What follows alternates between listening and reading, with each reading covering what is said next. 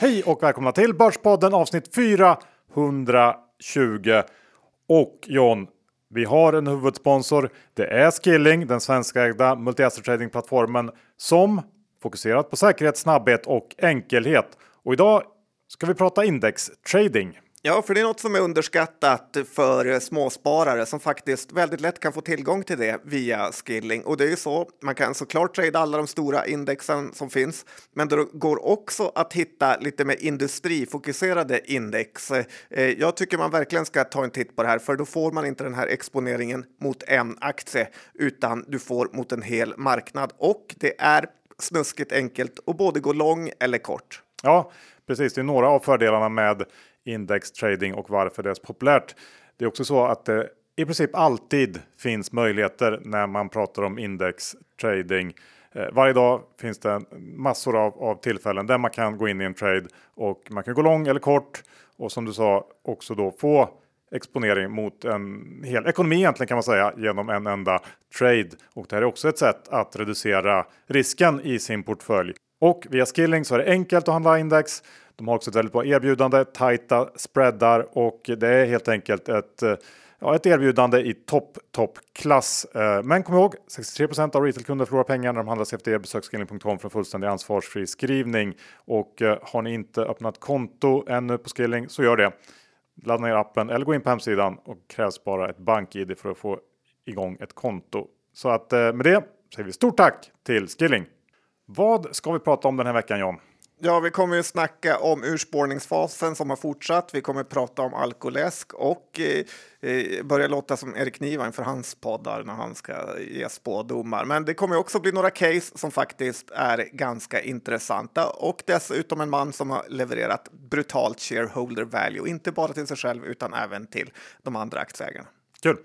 Men först ska vi också prata lite Landify för de sponsrar veckans avsnitt.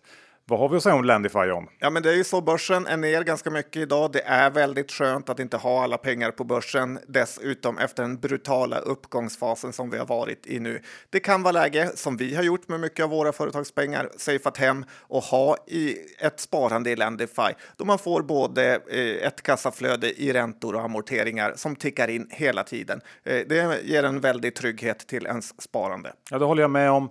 Och eh, vi brukar också vara inne på andrahandsmarknaden. Eh, vi köper ju låneportföljer där, men man kan ju också sälja eh, sin låneportfölj om man eh, av en eller annan anledning skulle behöva få loss pengarna i förtid. Ja, det är ett suveränt eh, alternativ både för köpare och säljare. Ja, så är det. Så vill man testa det här, ja, då använder man vår länk som är lendify.se snedstreck Borspodden. För gör man det, ja, då får man 500 kronor extra insatt på sitt konto om man stoppar in och investerar minst 20 000 kronor. Så lendify.se snedstreck Börspodden. Som det säger vi stort tack till Lendify.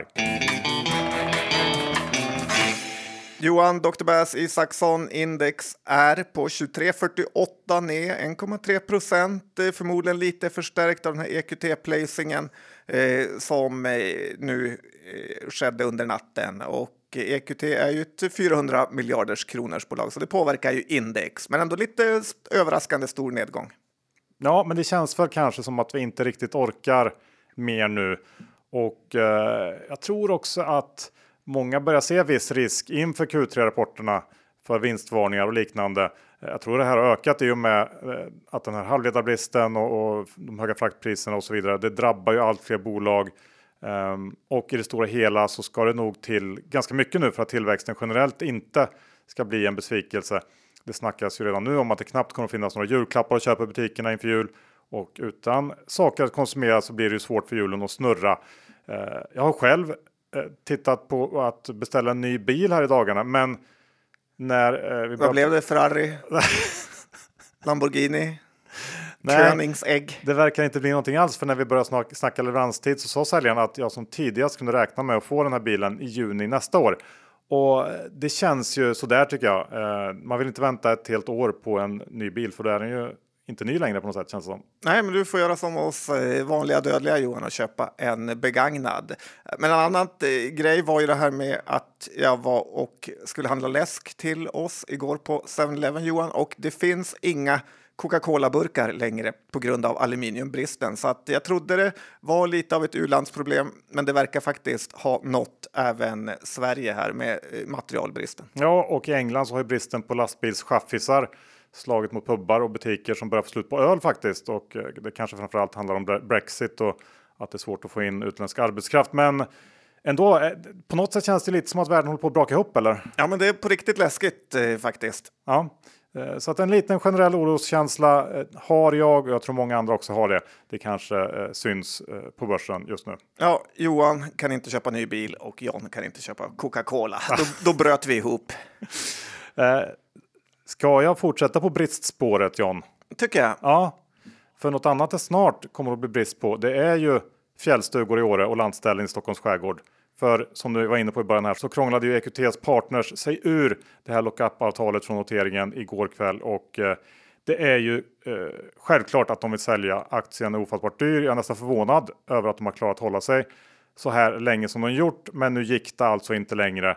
Eh, man kryddar det här då med någon slags förlängd lockup och lite annat på resterande innehav, men det spelar ingen roll. Eh, man kommer ändå inte ifrån att lock-up-avtal ännu en gång visat sig vara något som i praktiken är helt värdelöst. Och är det dags nu att på riktigt börja ifrågasätta den här typen av, jag tycker man kan kalla det falsk marknadsföring i samband med IPOs. Eh, jag har en öppen fråga till Finansinspektionen som ju värnar starkt om allmänhetens förtroende för värdepappersmarknaden. Och enpetare är ju något som i FIs ögon skadar det här förtroendet enormt mycket.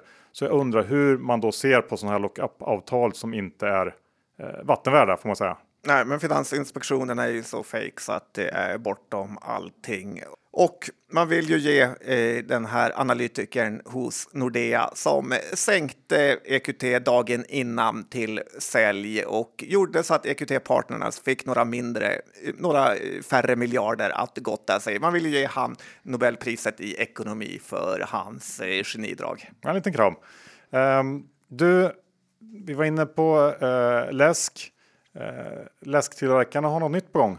Ja, faktiskt. Det här är en nyhet eh, som kom för någon vecka sedan som jag faktiskt har glömt att ta bort, men jag tycker den ändå är så rolig så att den är värd att ta upp nu. Och det är ju att Pepsi ska börja sälja den här Mountain Dew-drycken med alkohol i jag fick direkt en Kopparbergs dödarkänsla eh, på ett större plan då det här kanske börjar bli mer och mer accepterat att de här stora bryggerigiganterna vågar tillsätta alkohol i sina drycker. Eh, och då kommer efterfrågan på sötsidor och minska rejält. Eh, Coca-Cola med alkohol i hade ju varit en sån succé att det hade varit löjligt. Eh, men det gäller ju att ha ett bra tilläggsnamn faktiskt. Eh, eh, Coca-Cola Zero är ju en succé och eh, det blir lite inverterat då om man ska ha alkohol i. Så jag tänkte ge dig här eh, några förslag på vad Coca-Cola Company ska ha för eh, namn på sina tre storsäljare Cola, Fanta, Sprite. Är du... Ja, spännande, jag vill höra.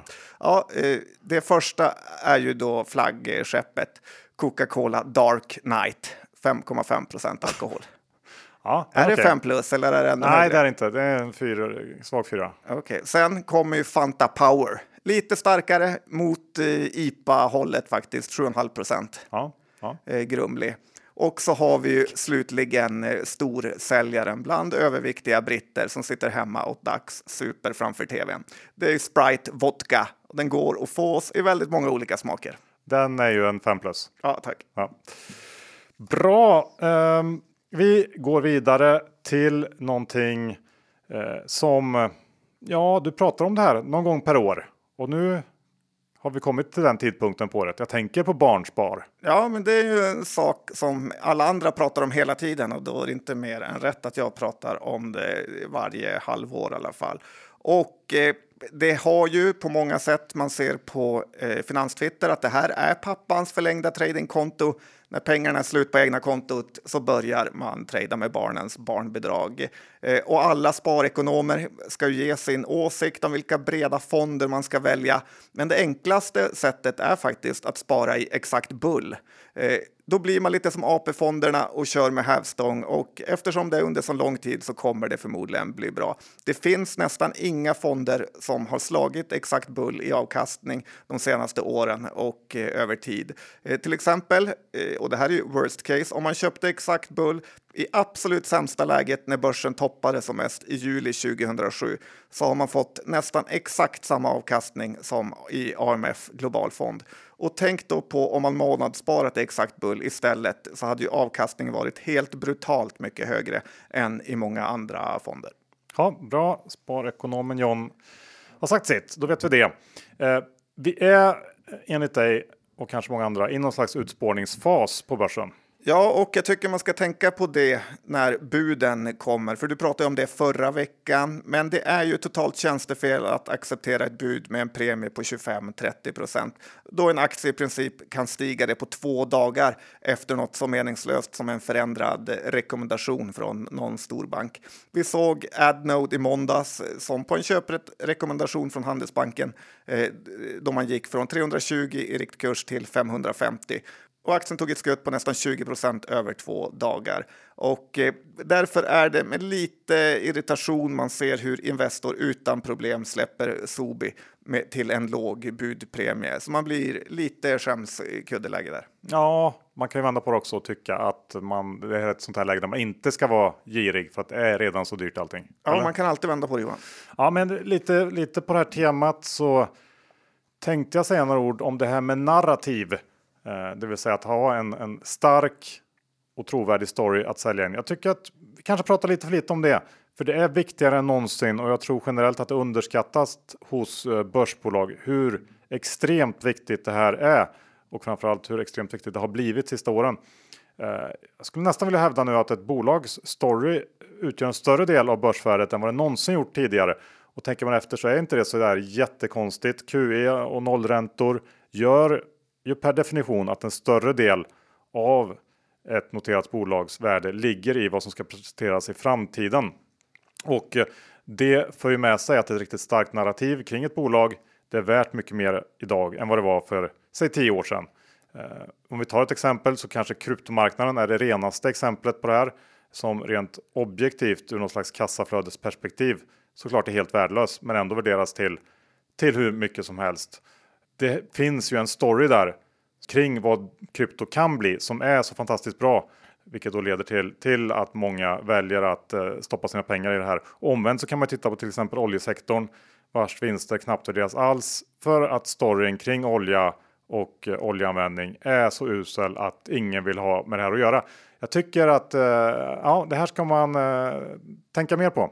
Ja, faktiskt. Och det känns ju också som att bolag som går igenom kriser med en bra story mycket fortare kan hämta sig och få tillbaka marknadens eh, förtroende än bolag som eh, helt lever för sig själva och för sina siffror. Ja, och, och det man kanske ska tillägga här också är att en story har ingenting med sanning eller verklighet att göra, utan det är ju mycket upp till bolaget själva eller kanske folk runt omkring det att konstruera den här storyn. Eh, så tycker jag det är. Så det behöver ju inte nödvändigtvis vara någonting som eh, är sant och objektivt riktigt. Du tänker på krypto?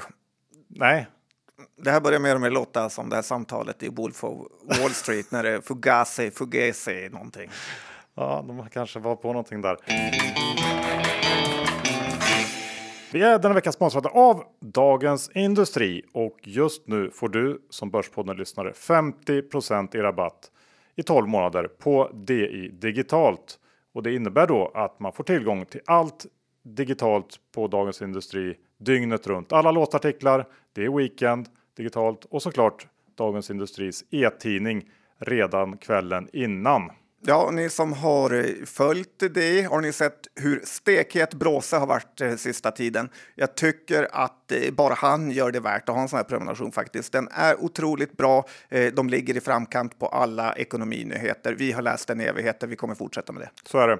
Och allt det här får man då för endast 200 kronor i månaden. Ordinarie pris är då 399 kronor och erbjudandet det är giltigt till och med 30 september. Vill man så till på det här då går man in på di.se Borspodden för där finns all information. di.se Borspodden som sagt. Stort tack till DI Digitalt. Den här veckan sponsras vi igen av Tessin, en plattform där privatpersoner kan gå in och investera i fastigheter och vi sitter här med VD Heidi Wik och undrar hur ser efterfrågan på era finansieringsprodukter ut på fastighetsmarknaden? Ja, efterfrågan på finansiering i vårt segment, det vill säga fastighetsprojekt, har varit stort länge och eh, vi ser också att det ökar och det beror framför allt på två faktorer. Eh, det är bostadsbristen och det är den begränsade tillgången till kapital. Eh, banken har dragit, till, dragit, sig tillbaka från byggsegmentet allt mer och det är en konsekvens av allt högre regelverkskrav som ställs på bankerna och påverkar bankernas kapitalkrav. Samtidigt så ser vi i statistik från SCB att eh, det är över 100 miljarder som investeras i bara nybyggnation och det är fortfarande inte tillräckligt för att täcka den bostadsbrist som finns. Så vi ser en enorm potential. Och Eh, vi ser att parallellt så hittar fler investerare till oss och vi jobbar också aktivt med att eh, hitta nya strukturer för institutionellt kapital.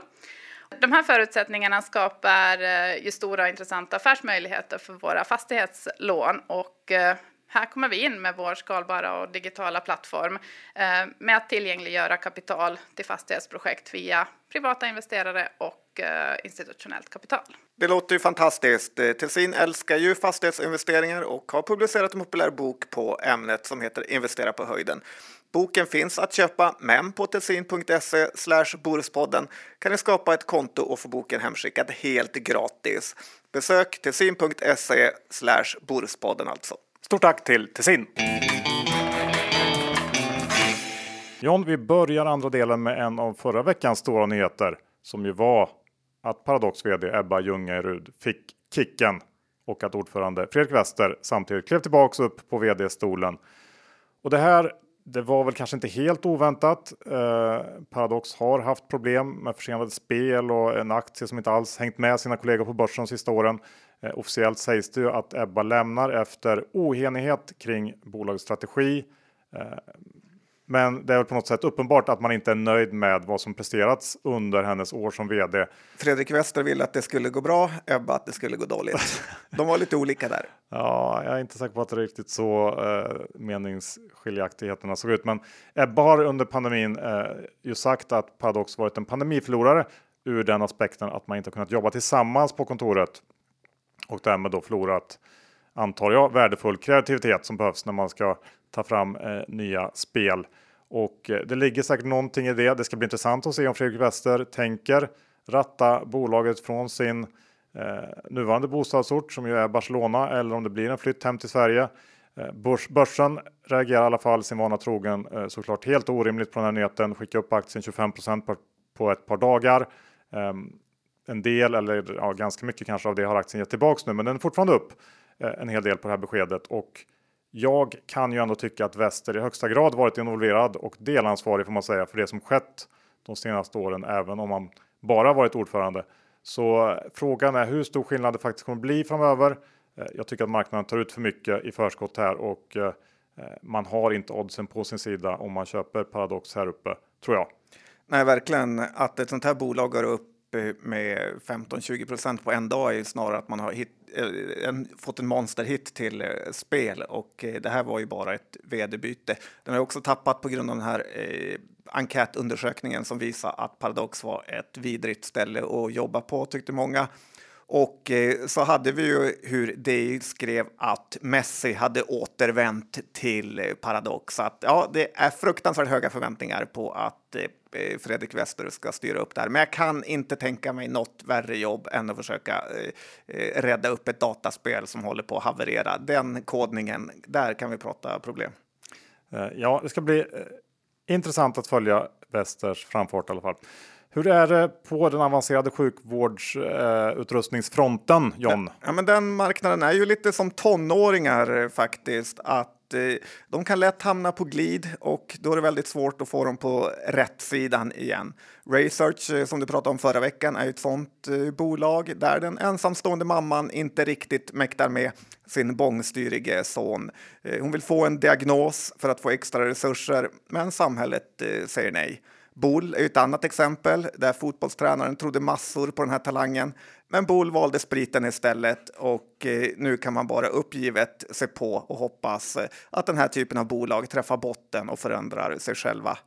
Men om vi ska vara lite allvarliga eh, så är ju den här typen av bolag, de säljer så avancerade grejer att säljprocesserna är väldigt långa, att det inte räcker med en ny vd som kommer in och motiverar personalen lite.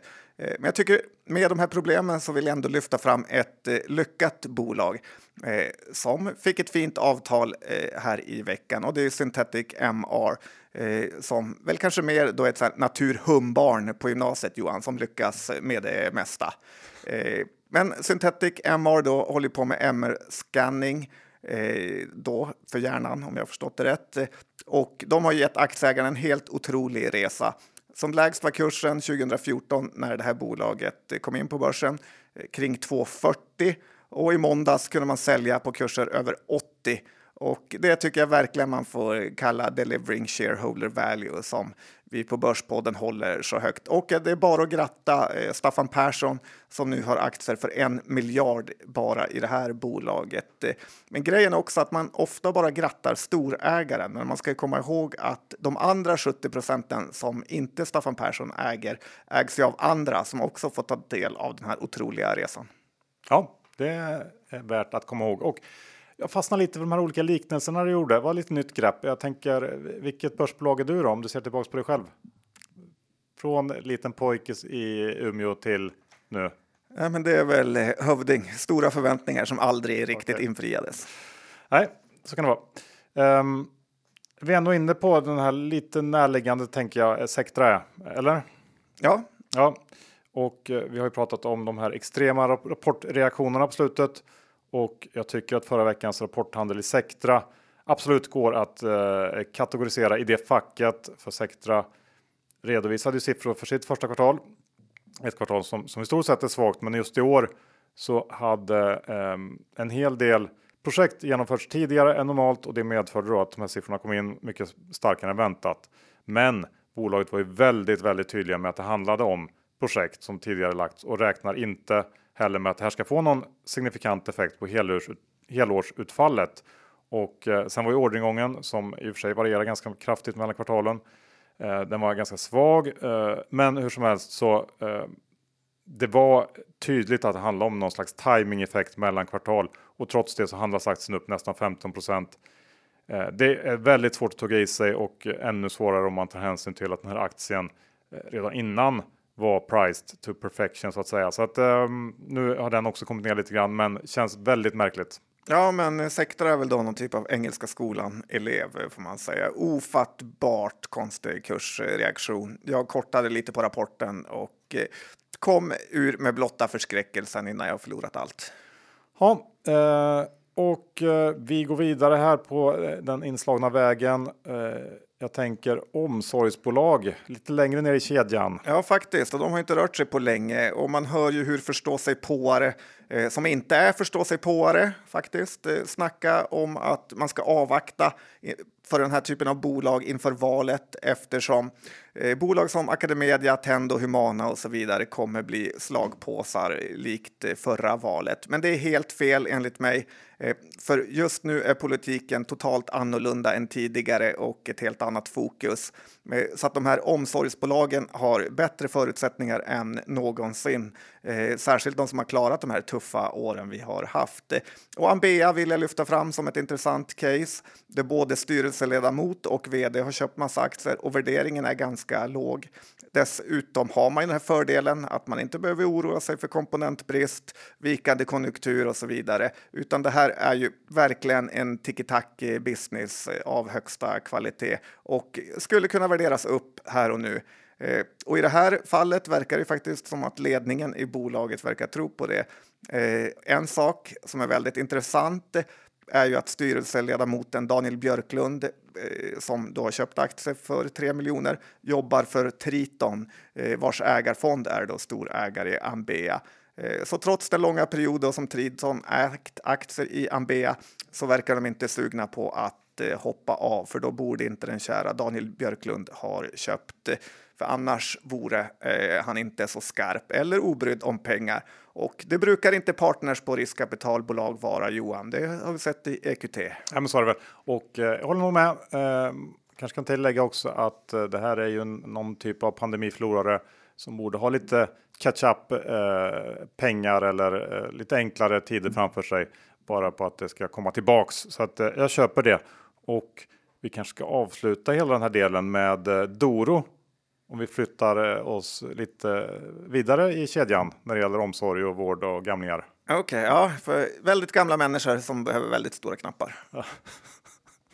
Hur går det med iPaden? Har du några nyheter på den? Doros egna iPad? Nej, jag tror att de har lagt, lagt den åt sidan. Men Doro eh, iPad Professional. Lugn nu, det har faktiskt börjat röra på sig lite grann i skymundan. Doros aktie har gått riktigt bra i år och den här uppvärderingen den, den påbörjades väl egentligen när man gick ut med att verksamheten ska delas upp i då den här telefondelen som du är så intresserad av och en care-del.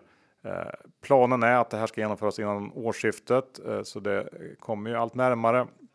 Och det är care som är den intressanta delen som alla vill åt eh, med de här relativt stabila abonnemangsintäkterna Eh, och eh, det finns dessutom en eh, roll-up story här för man har ju genom åren genomfört ett eller ett par förvärv per år.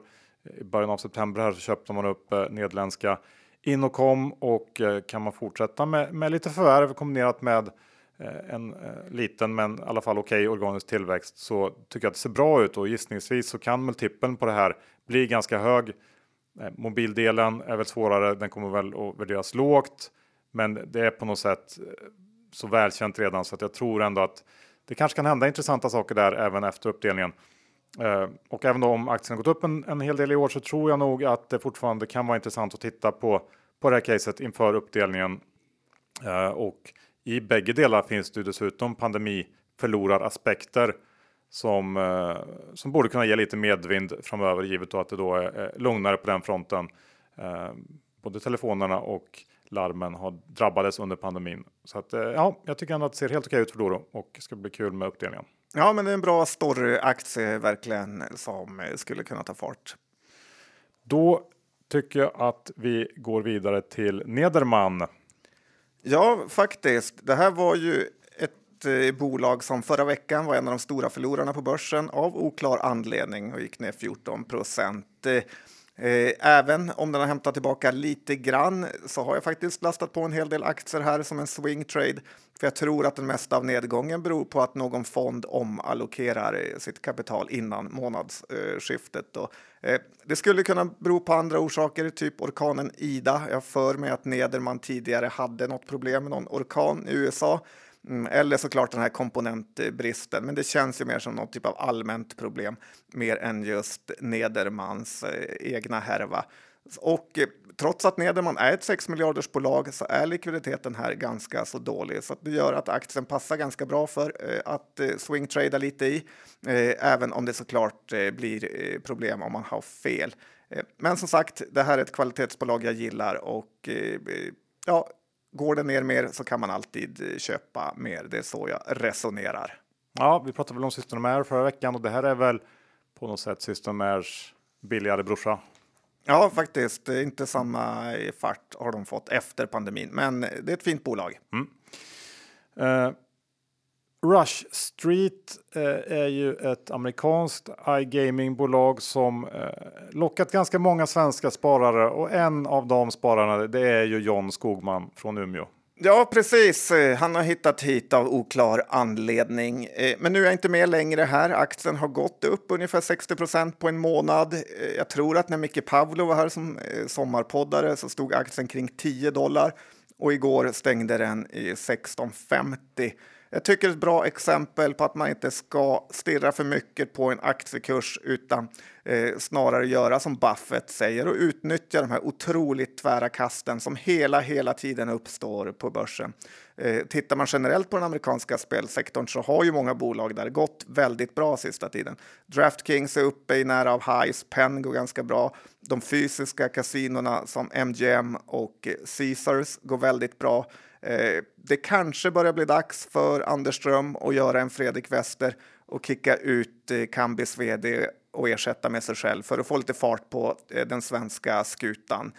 Samtidigt så har det ju varit ett väldigt bra val tidigare att om man tittar på Kindreds motgångar som hade en tuff period under 2020 här med dryga spelböter och kurskollaps att då hålla fast med Henrik Tjärnström som nu överpresterat något kolossalt faktiskt. Ja, kanske är det det här narrativet som eh, man framförallt ska foka på i Kambi. Ja, något borde göras. Mm. Um, jag har sett på Twitter, John, att folket vill ha fler rövcase. Och därför tänkte jag att det kunde vara dags att uppdatera sig lite kring Saab. Ska Micke Syding komma hit eller? Nej, men eh, Saab det är ju ett case som kanske är på väg att lämna rövcase-facket, men som fortfarande ligger där och skvalpar. Jag tycker ändå att Saab är intressant. Tittar man på, på eh, de ordrar som annonserats här under Q3 så ser det bra ut. Eh, flera riktigt stora miljardorder har kommunicerats och dessutom så närmar vi oss också det fjärde kvartalet som alltid är starkt för Saab. Eh, sen så, så levererade bolaget ett fint första halvår. Man höjde helårsprognosen i samband med Q2 här i somras. Men trots det så ligger aktien kvar och harvar kring 250 spänn och jag har faktiskt svårt att förstå det. Det är klart eh, att man kan oroa sig för komponentbrist, men samtidigt så tog ju Saab höjd för det i slutet av förra året. Och här kanske vi får krypa till korset som var väldigt kritiska till ledningen då. Det verkar ju nästan som att de bara var mycket tidigare än alla andra med att förstå och ta höjd för det som nu har slagit till på bred front.